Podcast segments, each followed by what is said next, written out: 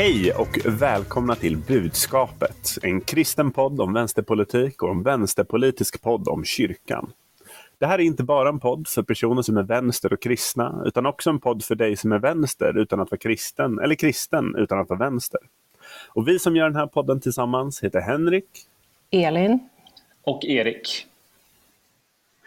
Och vi vill för det första tacka alla er som har reagerat på det första avsnittet. Tack alla som har börjat följa oss på Instagram och som har hört av sig på olika sätt. Det betyder otroligt mycket för oss att den här idén verkar uppskattas av fler än oss. Så tusen tack för det. Välkomna med på resan. Till dagens avsnitt då. Erik ska få dela sitt budskap med oss. Ta oss med Erik. Ja, um, och ja, vi ska prata om inflationen, om ekonomisk utsatthet och mitt budskap för idag är Tack Gud för Tim Gurner. Mm -hmm. Yes, och jag ska faktiskt börja med att spela ett klipp som ni ska få se och reagera på. I think the problem that we've had is that we've, you know, we, we have people decided that they didn't really want to work so much anymore through COVID, and that has had a massive issue on productivity. You know, tradies have definitely pulled back on productivity. You know, they, they have been paid, paid a lot to do not too much in the last few years, and we need to see that change. We need to see unemployment rise. Unemployment has to jump 40, 50% in my view. We need to see pain in the economy. We need to remind people that they work for the employer, not the other way around. I mean, there is a, there's been a systematic change where employees feel the employer is extremely lucky to have them, um, as opposed to the other way around. So it's a dynamic that has to change. We've got to kill that attitude, and that has to come through hurting the economy, which is what the whole global, you know, the, the world is trying to do. The governments around the world are trying to increase unemployment to get that to some sort of normality. And we're seeing it. I think every employer now is seeing it. I mean, there is definitely massive layoffs going off. People might not be talking about it, but people are definitely laying people off, and we're starting to see less arrogance in the employment market. Så eh, här ser vi alltså Tim Gurner som säger ungefär så här. We need to see unemployment rise. Unemployment has to jump 40 to 50 percent. We need to see pain in the economy. We need to remind people that they work for their employer, not the other way around. Och det här klippet har ju eh, gjort eh, en del folk eh, ganska upprörda kan man säga. Eh, och, men jag förstår ju att folk blir upprörda. Ni kanske också förstår det. Eh, här sitter ju en ganska stereotypisk finansvalpig eh, man, eller vad man ska säga, och säger helt, eh, helt skeva och väldigt okänsliga saker. Det blir inte bättre heller för att eh, jag berättade i förra avsnittet om eh, min bakgrund i Australien och just att han har en sån här överklass australiensisk dialekt. det triggar. på det hela. Liksom. Det triggar någonting. Eh, men egentligen så lägger han ju ut ekonomisk teori som vi egentligen annars helt och hållet accepterar som normalt. Speciellt i sådana här tider av inflation. Ehm, och jag tycker att han fångar eh, den här kopplingen mellan det personliga och systematiska ganska väl. Ehm, det är på många sätt liksom personliga karaktärsfel som förstör ekonomin. Det är du som är arbetstagare som är lat och privilegierad och du är eh, entitled för att du eh, har ett jobb och tror att du ska få ha det bara.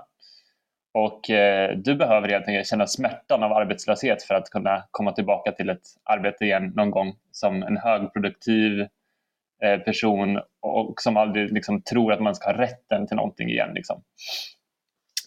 Så det är lite mer på en sån här personlig nivå eh, som jag också förstår folk reagerar på. Så. Eh, på en systematisk nivå så kallas ju det här för att disciplinera arbetsmarknaden. Eh, liksom. Och är ju det här främsta verktyget som, folk, som man har för att stävja inflationen. Mm. Man höjer arbetslösheten eh, så ser man till att folk inte är så kaxiga inför lönerörelser, lönehöjningsrörelser, liksom så att det inte blir en sån här löneprisspiral, alltså att höjda löner, löner ger högre priser, ger högre löner. Alltså det här skolex, skolboksexemplet av inflationen som vi lärt oss. Um, och vi befinner oss mitt i en sån här disciplinerande situation eh, just nu på grund av den inflation som sken, skenar och har skenat Eh, och det behövs helt enkelt smärta i ekonomin. arbetsmarknad behöver disciplineras så att man inte under den här känsliga stunden efterfrågar till exempel för höga löner som sedan driver på inflationen. Och eh, eh, det här tycker jag också har varit liksom ett, eh, det har också varit ett återkommande exempel på att vanligt folk i den här situationen också behöver disciplinera sitt beteende. Och det har nästan liksom varit det främsta budskapet till människor under den här liksom tuffa tiden. Eh, man behöver ändra sitt beteende för att inte bidra till mer till liksom det här eh, inflationsläget. Eh, lite som, alltså, om man drar parallellen med under pandemin så behövde ju alla bidra och dra sitt strå, strå till stacken för att inte pandemin skulle förvärras och fortsätta. Och jag har sett så många olika konstiga takes från politiker, regeringsföreträdare och andra. Um, till exempel nu i somras så fanns det rubriker om att resor och sommarnöjen bidrar till inflationssmockan. Uh, och det är liksom som om det faktumet att folk tog semester och gjorde kanske en, en utlandsresa eller liksom eh, ja, men gjorde, gjorde något för att liksom, eh, något nöje så eh, att det skulle bidra till eh, inflationen eh, i, det här, i den här stunden. Och vi har också hört eh, otaliga gånger om att vi i Sverige är väldigt dåliga på att byta bank och att vi måste eh, börja shoppa runt mer efter olika liksom, bolån till exempel för att eh, hjälpa till att sänka, eh, sänka räntorna eller liksom pressa ner priserna så att säga. Eh, och vi har också hört att liksom, matpriserna är höga för att vi, vi konsumenter är dåliga på att, eh, eh att liksom shoppa runt och konkurrensutsätta de här matkedjorna. Eh, och då att vi skulle liksom börja gå och liksom köpa de billigaste varorna på en butik och, och, och sådär. Som om folk mm. inte redan eh, gör allt som de kan för att hitta så billig mat som möjligt i, den här, i de här tiderna. Mm. Um, som ni hör så är det här liksom, uh, känns det här som liksom minimala Eh, lösningar på ett eh, större problem när det kommer till inflationen. Att vi ska börja liksom, eh, ja, men, tanken är väl ungefär att vi ska göra som vi gjorde under pandemin, att vi alla ska liksom dra vårt strå till stacken och minska smittspridningen. Och här ska vi ändra vårt beteende för att då sänka inflationen. Grejen är ju att det har visat sig att under det här senaste året så har inflationen till stor del drivits av helt andra saker än det som jag har nämnt liksom som, som problem och lösningar. Eh, och, och, eh, och, man kan helt enkelt säga att det som, det som eh, jag inledde liksom, det här exemplet om Tim Gurner där handlar liksom lösningen mer om att bara sätta åt Eh, den del av befolkningen som är fattigare och göra folk generellt mer, eh, mindre anställningstrygga. Eh, men när vi pratar om inflationen och vad, som faktiskt driver inflationen i det här skedet till stor del, då så kan vi gå till till exempel Internationella valutafonden.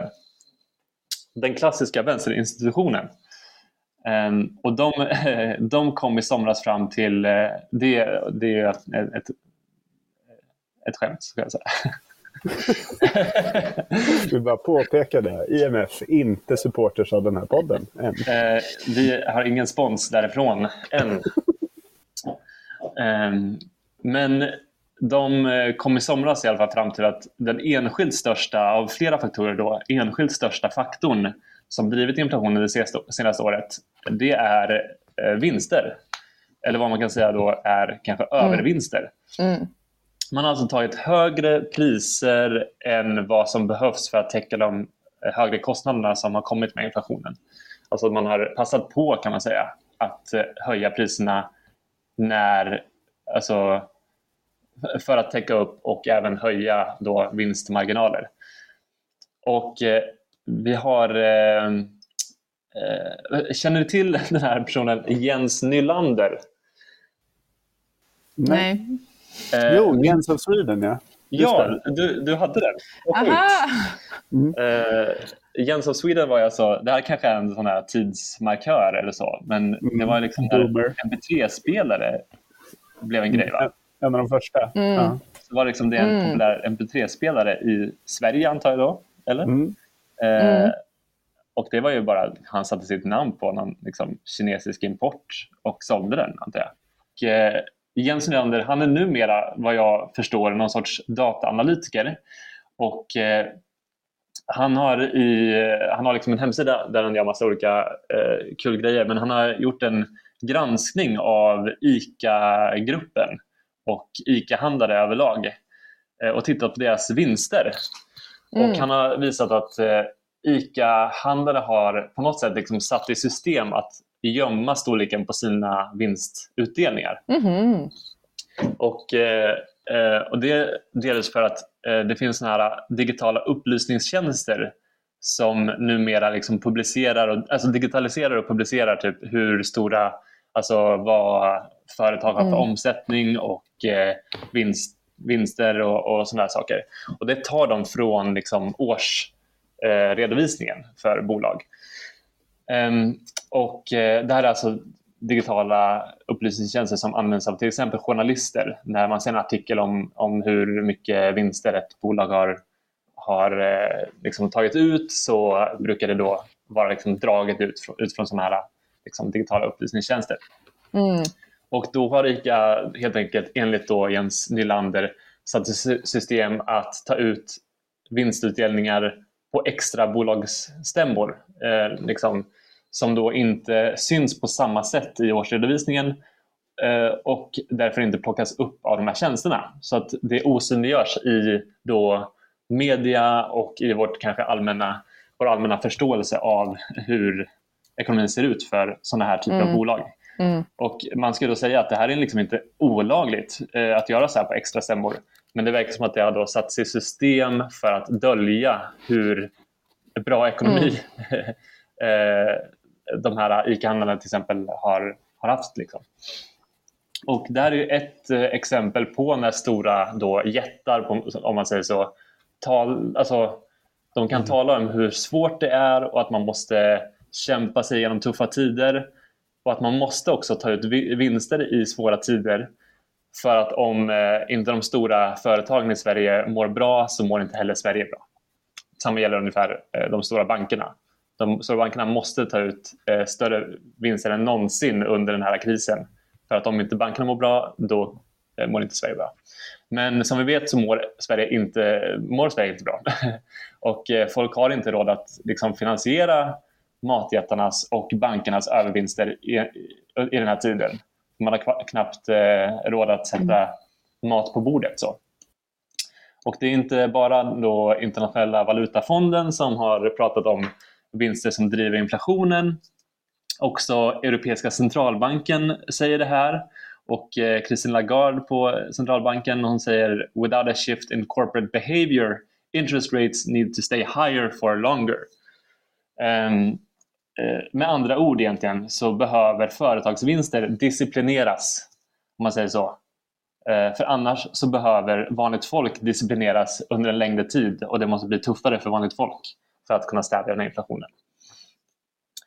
Ehm, så vi, vi börjar eh, se kanske ett mönster här. Eh, varför är det just arbetande folk och för den delen alltså folk som inte, inte jobbar eh, av olika skäl som måste ta smällen och vara de som både ska ses ner på och de ska disciplineras och de ska också förstå hur lyckligt lottade de alls är att ha ett jobb om de har det.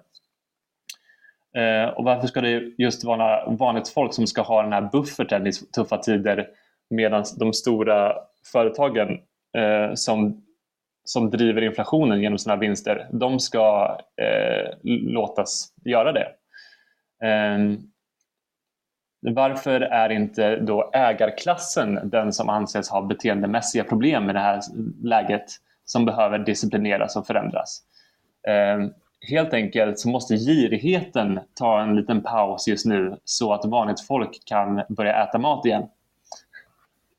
Eh, och därför så vill jag återkomma till mitt budskap från början. Eh, och då vill jag dra det tillbaka till eh, en av mina favoritböcker i Bibeln.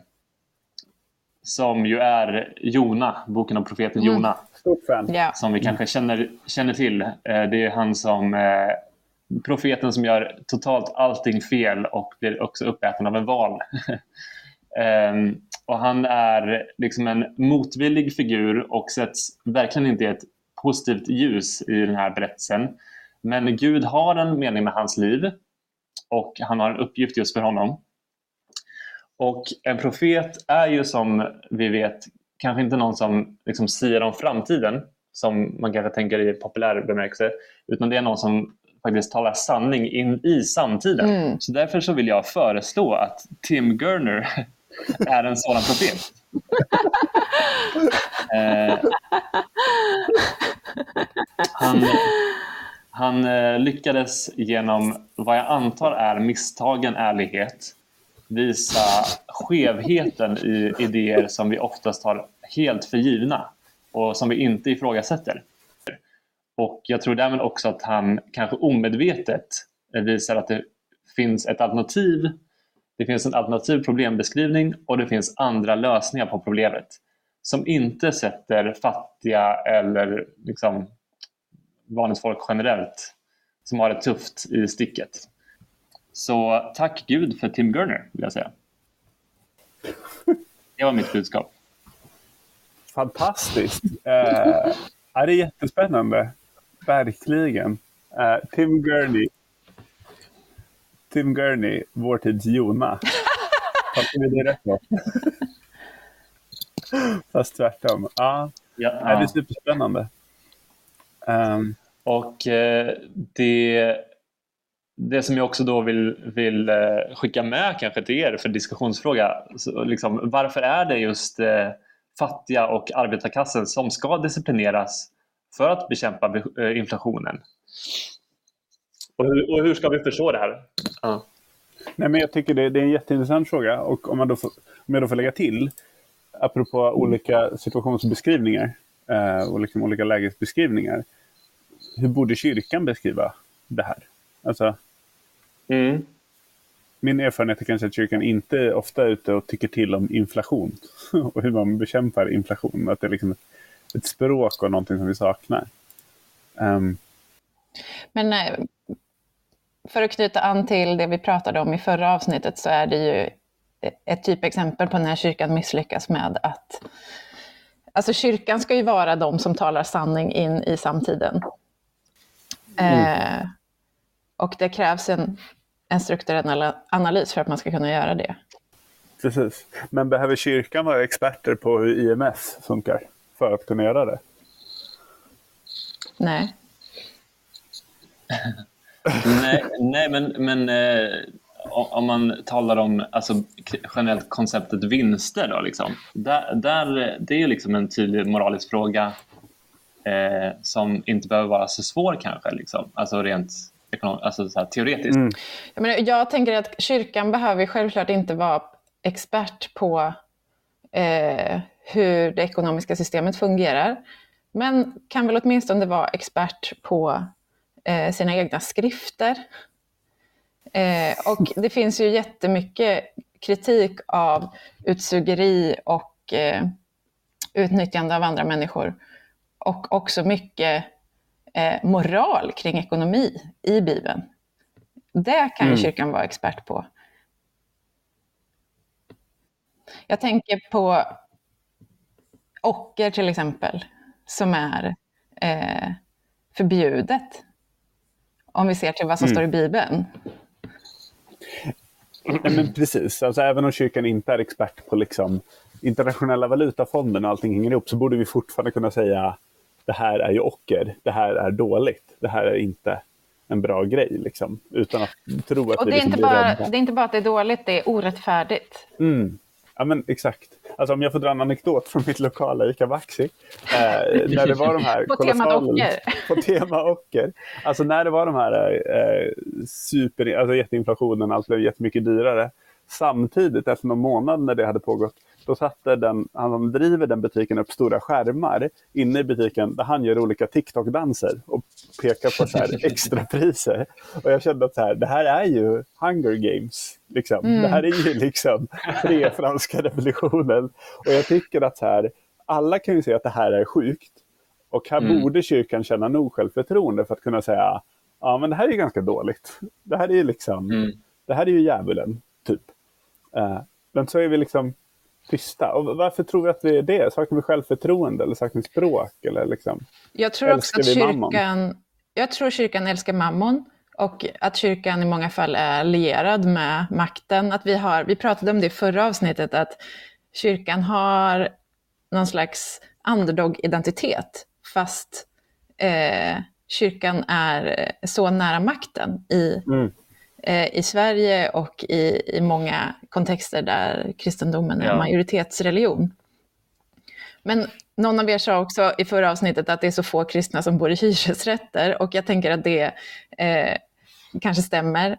Eh, och att eh, de, de välmående, den välmående kristna medelklassen, eh, alltså det här angår liksom inte dem. Mm, just det. Man är immun mot den skenande ekonomiska utvecklingen ändå, typ. Något sånt. Ja, men om man drabbas inte personligen och man kanske inte lever i gemenskap med människor som drabbas, så problemet blir för abstrakt. Mm. Just det. Mm. Och sen är det ju såklart abstrakt med relationen vinster, alltså företagsvinster generellt i samhället och eh, den inflationen som man kanske känner på då i liksom, ens egna månads budget. Mm. Säger, liksom. alltså, det är ju, det är ju eh, eh, men allting är liksom inte rakt framför näsan. Man, man måste kunna se lite längre bort liksom, än, än sin egen liksom, eh, vad säger man, nästipp. Mm.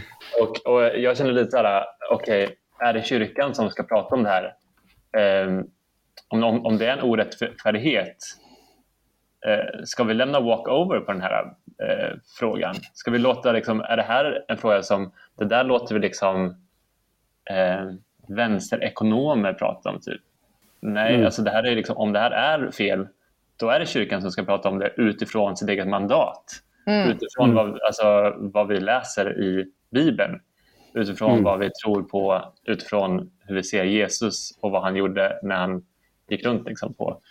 Eh, alltså, det, det, är inte så svårt om man säger så. Nej, och ändå är det det. Och varför? Mm. Ja, precis. Varför är det så svårt för kyrkan att, att tala sanning när det gäller det här? Mm. Och där, där, tror jag, alltså, som kanske då är tema nu för den här podcasten, just att det behövs lite verktyg och det behövs lite språk för att fånga saker i samhället. Mm. mm. Ja, men för jag tror att det, så har det varit för mig i alla fall. Att I takt med att jag har fått mer språk, fler begrepp, en bredare förståelse, desto mer har jag kunnat greppa vilka anspråk det är rimligt att kyrkan kan göra i samhället också. Alltså vad, när det handlar om att låta Guds rike breda ut sig, vad betyder det då konkret? Ja, men då betyder det nog att kunna göra anspråk kring att eh, liksom, prata om ett annat ekonomiskt system, exempelvis. Uh, men om man inte har ett grepp om det, då kan man inte föreställa sig hur någonting annat skulle kunna se ut om man inte förstår att det här också är galet och, och skapat. Jag läste någon som mm. sa att så här, varför är det lättare för människan att föreställa sig hur jorden kommer gå under i relation till alla katastroffilmer, men mm. svårare att föreställa sig ett icke-kapitalistiskt system. liksom, varför har vi lättare att tänka oss the world after tomorrow och inte ett postkapitalistiskt samhälle? Liksom. Och där, så här, varför har inte kyrkan den visionen lika tydligt? Mm. Ja, men för jag tänker nu när du säger det här, att det här är ett generellt problem och det är också en fråga som vänstern ställs hela tiden. Så här, ja, men vad, den här utopin ni talar om, hur ser den ut? Hur ska den förverkligas? Eh, och då kan ju vi som kristna säga, eh, vi vet inte, eh, det här ligger i Guds händer och vi tror liksom på någonting som är bortom den här världen. Så kyrkan om någon institution borde kunna erbjuda en vision mm. om ett rättvist, rättfärdigt samhälle. Mm. Som inte är av den här världen. Mm. mm. Preach. Verkligen. Nej men absolut. Och det, det, men det, det jag tänker att man kan landa i där och liksom bli lurad in i en fälla, det är ju när man blir kallad naiv. Liksom. Att det är så ja fast liksom tänk på alla de här aspekterna då, folk måste ju ha jobb och hur ska man då betala sin mat och bla bla bla. Men mm. då kan man ju luras in att föra en diskussion helt på kapitalismens spelregler. Ja. Och kyrkan bör ju ha andra spelregler. Så, Mm. alltså, vi, vi, Mm. vi pratar Mm. radikalt annorlunda. Liksom. Mm. Och det där måste vi hålla oss i. Liksom. Men kanske behöver vi också språk för att kunna säga, precis som Erik gjorde nu, att visa på att det här är ett konstruerat system. Mm. Eh, det kapitalistiska system vi lever i, det är inte naturligt, eh, det har inte bara uppkommit utan det har skapats och det upprätthålls eh, på daglig basis med Mm. de här mekanismerna som Erik har beskrivit. Och Mm. det kanske man som, som liksom vanlig kristen människa eh, som inte har läst eh, nationalekonomi eller eh, någonting annat behöver lite hjälp att sätta ord på och förstå Mm. också. Eh, Mm. Mm. Att det är det här våra bibeltexter handlar om. Mm. Eh, omsatt i liksom, nutid. Mm. Mm. Precis. Precis. Och att eh, vi tror faktiskt att det finns alternativ. Att vi, ett annat sätt att göra saker är möjligt. Mm. Det måste inte vara så här. För jag, jag tror att folk har bara liksom, folk sträcker upp händerna och säger okej, men det är så här det är. Men eh, nej, alltså det måste inte vara så här. Och kanske behöver vi bli fler i kyrkan som säger nej, jag tänker inte leva det här livet. Mm. Eh, jag vill leva ett annat liv. Som inte är på kapitalismens villkor. Där jag inte måste spela med i det här spelet. Där, där min framgång inte eh, ska behöva vara på någon annans bekostnad. Och, och där jag inte heller blir exploaterad i andras... Eh, på grund av att andra vill göra vinst på eh, mitt boende eller mitt arbete. Vi pratade ju om befrielse i förra avsnittet. Jag tänker det här är ett så tydligt exempel på någonting som förtrycker de allra flesta av oss. Mm. Det finns ju någon så affisch eh, där det står kapitalismen är ett system där det går riktigt bra för typ två personer. Eller någonting. Nu, nu citerar jag fritt ur minnet. Jag tror även liksom den kristna småföretagaren eh, eller eh, medelklassfamiljen som by- bygger en veranda också behöver se att de lever Mm. under Mm. ett ekonomiskt förtryck Mm. som de själva är med och upprätthåller, men som de också drabbas av. Ja, men precis. Och vi behöver tänka att, att evangeliet även gör anspråk på det. Liksom. Alltså, eh, mandatet Mm. vi har från Gud och, och budskapet från Gud och lärjungaskapet, allt det där, det handlar också om det. Och Mm. där har vi Mm. nog att stå på. Alltså, Mm. det, jag tyckte det var fint det du, du sa Elin, att så här, kyrkan måste ändå kunna förväntas kunna sina egna texter.